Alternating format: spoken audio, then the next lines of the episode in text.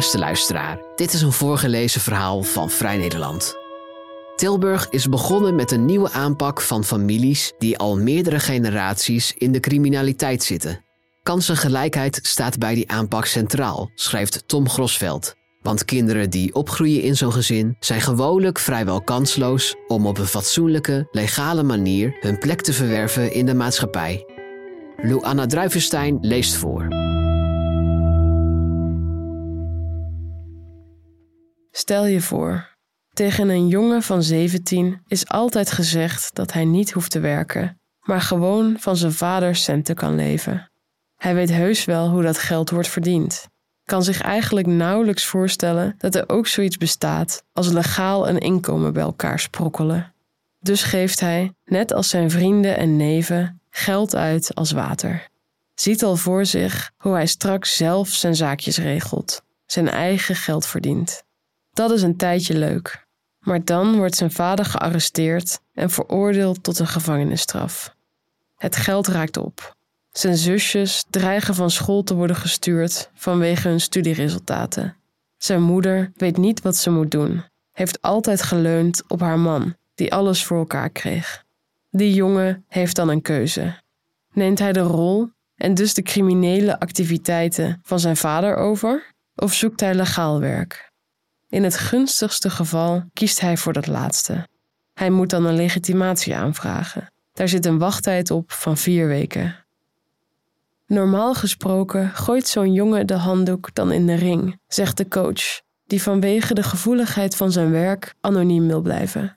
Hij vervolgt: te veel gedoe, te lang wachten, het momentum verdwenen. Dus wil de coach doorpakken. Hij gooit wat lijntjes uit en zorgt dat die jongen aan de slag kan. Meteen een legitimatiebewijs, meteen een contract, hup, aan het werk. Zo gaat dat ook bij het aanvragen van een uitkering. Het duurt allemaal te lang, zegt de coach. Daar kunnen ze niet op wachten, helemaal niet wanneer ze blut zijn. Dus geven we ze een tijdelijk voorschot. Ja, criminelen geld geven, dat stuit wel eens op weerstand. Maar ze betalen het netjes terug en het geeft ontzettend veel vertrouwen. Hé, hey, ze komen ons niet straffen, denken ze, maar willen meedenken. Wasmachine kapot? Ik schakel direct met de kringloop. Hebben ze nog een tweedehand staan? Regel ik dat we die gratis kunnen ophalen. Brandjes blussen, dat is het. Die 17-jarige jongen bestaat trouwens echt. Hij woont in Tilburg en verdient zijn geld nog altijd op een eerlijke manier, volgens de coach. Die zegt: hij heeft eigenlijk een nieuwe manier gevonden van zijn bestaan inrichten ontdekt dat het ook anders kan. Hij hoeft zijn vader en opa niet achterna te gaan. Hij kan zijn eigen pad nog kiezen. Bovenstaande schets is illustratief voor de Tilburgse criminele familieaanpak. De stad is drie jaar geleden begonnen met een project dat het hardnekkige patroon moet doorbreken van criminaliteit binnen gezinnen dat van de ene op de andere generatie wordt doorgegeven. Kansengelijkheid staat daarbij centraal. Kinderen, vooral jongens, die opgroeien in zo'n gezin, zijn eigenlijk bij voorbaat vrijwel kansloos om op een fatsoenlijke, legale manier hun plek te verwerven in de maatschappij. Het project, dat is gericht op preventie en repressie, is om meerdere redenen bijzonder. Ten eerste is er een klein team samengesteld: een coördinator, drie coaches en een handvol medewerkers dat op een gegeven moment, maar gewoon in alle vrijheid, is begonnen om te proberen die families binnen te komen. In plaats van alles van tevoren dicht te timmeren, zoals doorgaans wordt gedaan, wilden ze niet te veel protocollen, Excel-sheets, bemoeienis van instanties, overleggen en vergaderen. Gewoon iets proberen en dan eventueel onderweg wat bijsturen. Van fouten leren was de gedachte. Daarnaast zijn er maar weinig projecten met een vergelijkbare insteek. In Amsterdam gaat ook aandacht uit naar criminele gezinnen onder de noemer van de top 600 aanpak. Maar die is repressiever ingestoken. Bij projecten waarin wel ruimschoots aandacht is voor hulpverlening, bijvoorbeeld bij de aanpak van Roma-gezinnen die voor problemen zorgen, wordt dan weer niet over criminele alsof dat een soort van verboden gespreksonderwerp is. Wat dus vooral nieuw is, is dat de gemeente weet dat deze gezinnen in de criminaliteit zitten en specifiek probeert met hulpverlening en repressie dat gedrag te doorbreken. Het project staat ook haaks op hoe er doorgaans vanuit de regering wordt gekeken naar dit soort kwesties. Minister van Justitie en Veiligheid Dylan Jesilgus Segerius pleit voor strenger straffen, net als haar voorganger Vert Grapperhaus.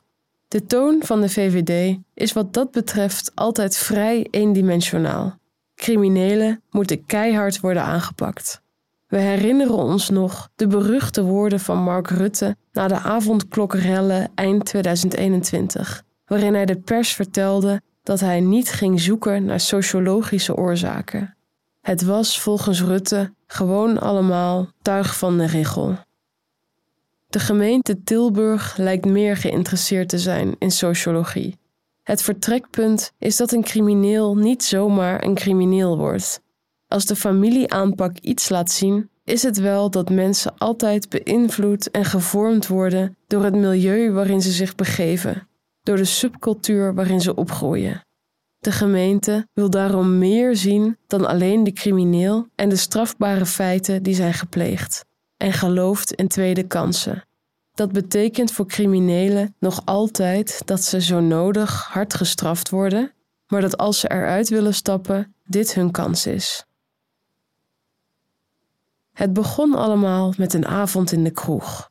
Criminoloog Twan Spapens van de Universiteit van Tilburg en historicus Hans Moors, die een eigen onderzoeksbureau heeft, dronken samen een biertje.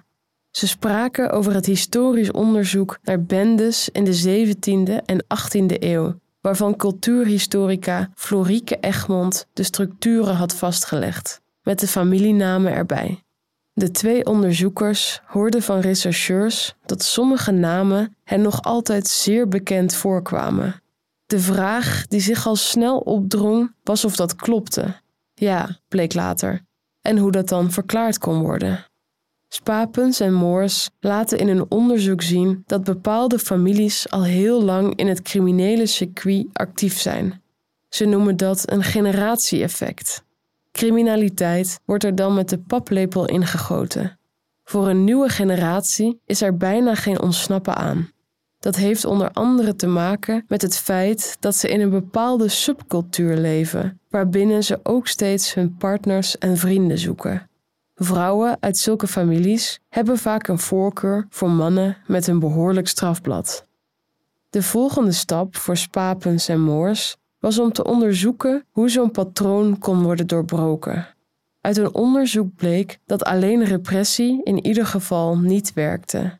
Alleen strafrechtelijk vervolgen, hoewel onvermijdelijk, lost niets op. Ze raden gemeenten, die zich inmiddels met tientallen tegelijk bij de onderzoekers hadden gemeld, aan om een combinatie van sociale hulpverlening en hard aanpakken in te zetten.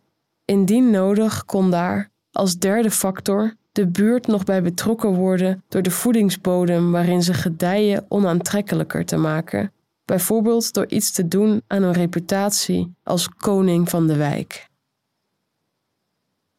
Zo'n drie jaar geleden ging de gemeente Tilburg in samenwerking met Spapens met de aanpak aan de slag. Inmiddels zijn de eerste resultaten binnen.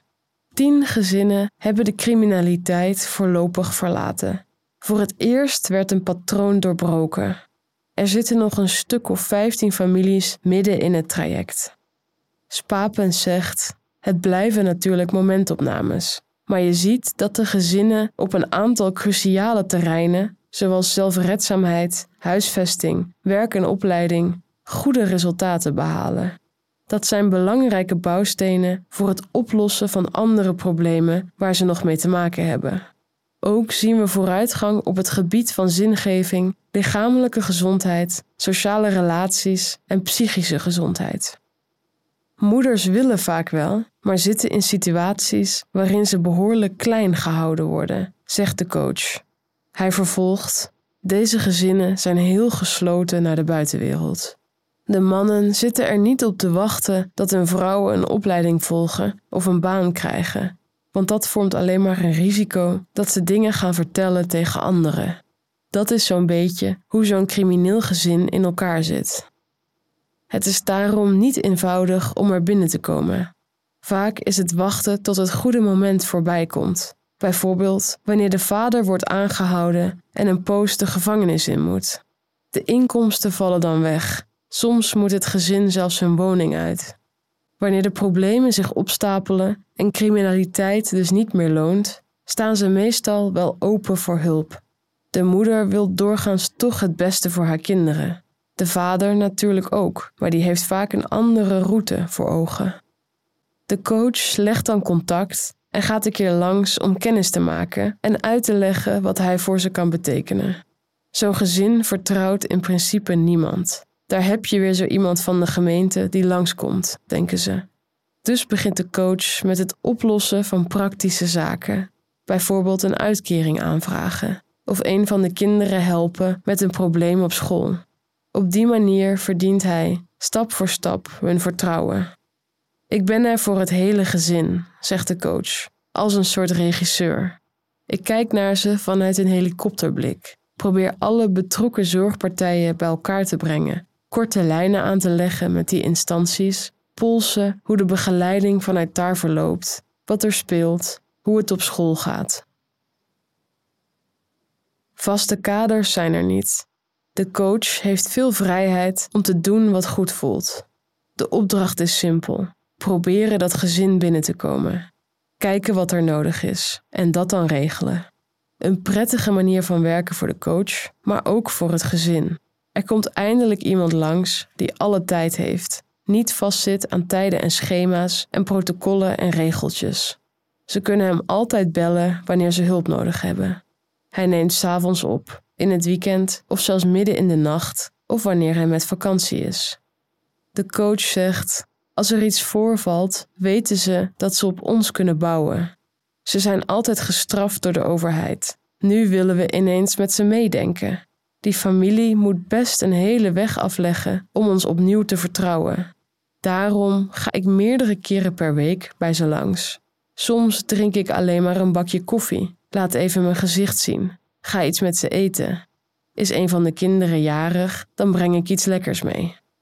Vanuit dat praktische beginpunt bouwt de coach gestaag toe naar een meer psychologische benadering. Hij probeert de moeders, naar eigen zeggen, in hun kracht te zetten. Contact leggen met de kinderen, dat is niet altijd makkelijk.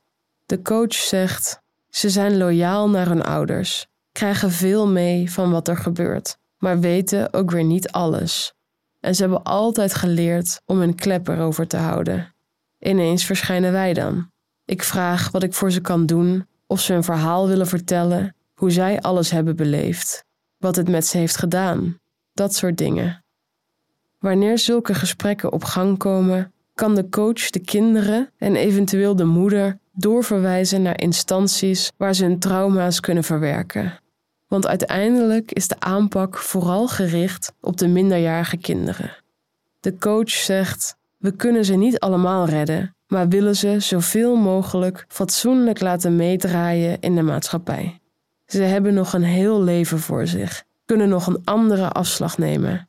Maar daarvoor moeten we niet alleen tot hen doordringen, maar ook tot hun omgeving. De vaders kunnen ook hulp krijgen, maar hebben daar gemiddeld genomen minder interesse in. Sommigen zitten al ruim 40 jaar in de criminaliteit en hebben via die weg vermogen opgebouwd. Het is dan moeilijk om je een ander leven voor te stellen, laat staan dat ze veranderen in modelburgers. Al zijn er uitzonderingen. Sommige vaders zijn erg betrokken, soms vanuit de gevangenis. Ze zien dat het beter gaat met hun gezin. Er longt een positiever vooruitzicht voor wanneer ze vrijkomen. In zo'n geval kan de vader, net als de moeder, geholpen worden bij het vinden en volgen van een passende opleiding, zodat hij bijvoorbeeld als monteur aan de slag kan. Worden die gezinnen niet al te veel beloond? Spapens zegt: dat is een oude discussie. Terecht ook wel. Mensen die in armoede leven hard werken om de eindjes aan elkaar te knopen, kunnen zich benadeeld voelen wanneer de overheid ineens een opleiding gaat betalen voor een moeder en haar kinderen. Logisch. Alleen dat is geen reden om zo'n gezin dan maar links te laten liggen. Spapens ziet dat deze zogenaamde zachte aanpak, hoewel vermengd met een meer repressieve benadering, ook in de politiek nog altijd op weerstand stuit. Hij wijst op de terugkerende verkiezingsleuzen van de VVD over meer en harder straffen. Spapens zegt: Maar wat is nou een straf? En waar straf je ze het hardst mee? En wie dan? Geldt dat ook voor Tata Steel en dat soort bedrijven? Daarover denkt de VVD niet van die gaan we eens hard aanpakken. Het gaat altijd over dezelfde groepen die toch al sociaal-economisch gezien aan de onderkant van de samenleving zitten. Dat is kortzichtig. Natuurlijk, je kunt heel hard roepen dat we het geld van criminelen moeten afpakken, iets waar de overheid al 30 jaar mee bezig is. Maar de lui die het daarmee raakt, zijn vooral kleine spelers, onderdeel van een veel groter samenwerkingsverband. Het is vaak uitvoerend personeel. Zij moeten dan ineens een paar ton terugbetalen, maar dat geld hebben ze al uitgegeven. En dan, wie schiet daar dan wat mee op? Spapens pleit er ook voor om er naar te kijken als een schuld aan de maatschappij, die ook geleidelijk kan worden afgelost door voor een ander pad te kiezen en uit de criminaliteit te blijven. Lukt dat, zou er bijvoorbeeld ieder jaar 50.000 euro betaald kunnen worden. Aan de andere kant moeten de gemeente Tilburg en de coaches in het bijzonder ervoor waken om niet te verwoorden tot een Shaki van Flodder, de sociaal werker die op het pijnlijk naïeve af altijd maar weer in de bres sprong voor de familie Flodder, niet doorhebbende dat ze hem niet serieus namen en puur gebruikten voor hun eigen gewin. Daarom heeft de gemeente besloten dat gezinnen op vrijwillige basis kunnen besluiten om deel te nemen aan het uitstapprogramma, maar dat het niet vrijblijvend is. Houden ze zich niet aan de gemaakte afspraken, dan kan de samenwerking worden stopgezet. De coach vertelt over een gezin waarin een jongen van 16 problemen had met zijn stageplek. Na wat te hebben bemiddeld, werd hij uiteindelijk bij een ander bedrijf ondergebracht. Hij begon vervolgens met een opleiding. Toen brak de zomervakantie aan. Hij verveelde zich, stak een auto in brand. Tja, dan houdt het wel een keer op. Het is klaar met jou, zeggen ze dan. Alleen, dat is nog best een dilemma, want die jongen kwam uit een gezin met vijf kinderen. Met hem en zijn oudere broer ging het niet zo goed. De andere drie timmerden juist lekker aan de weg. En de moeder wilde ook graag. Wat is dan wijsheid? Het hele gezin loslaten of alleen die jongen en zijn broer? Het blijft kortom maatwerk. Over het algemeen worden de individuele leden van een gezin niet snel afgerekend op de fouten van een ander. De coach vertelt dat vaders geregeld de neiging hebben om tijdens het traject weer het criminele pad op te gaan. Als zoon en dochter dan nog bezig zijn met een studie, blijven ze die in principe ondersteunen. Maar we zijn geen gekke Henkie, zegt de coach. Soms moeten we onze handen van iemand aftrekken. Dan gaat de deur op een kier. Maar wanneer we zien dat hij zijn gedrag aan het veranderen is en graag weer wil, zijn we altijd bereid een nieuwe kans te geven.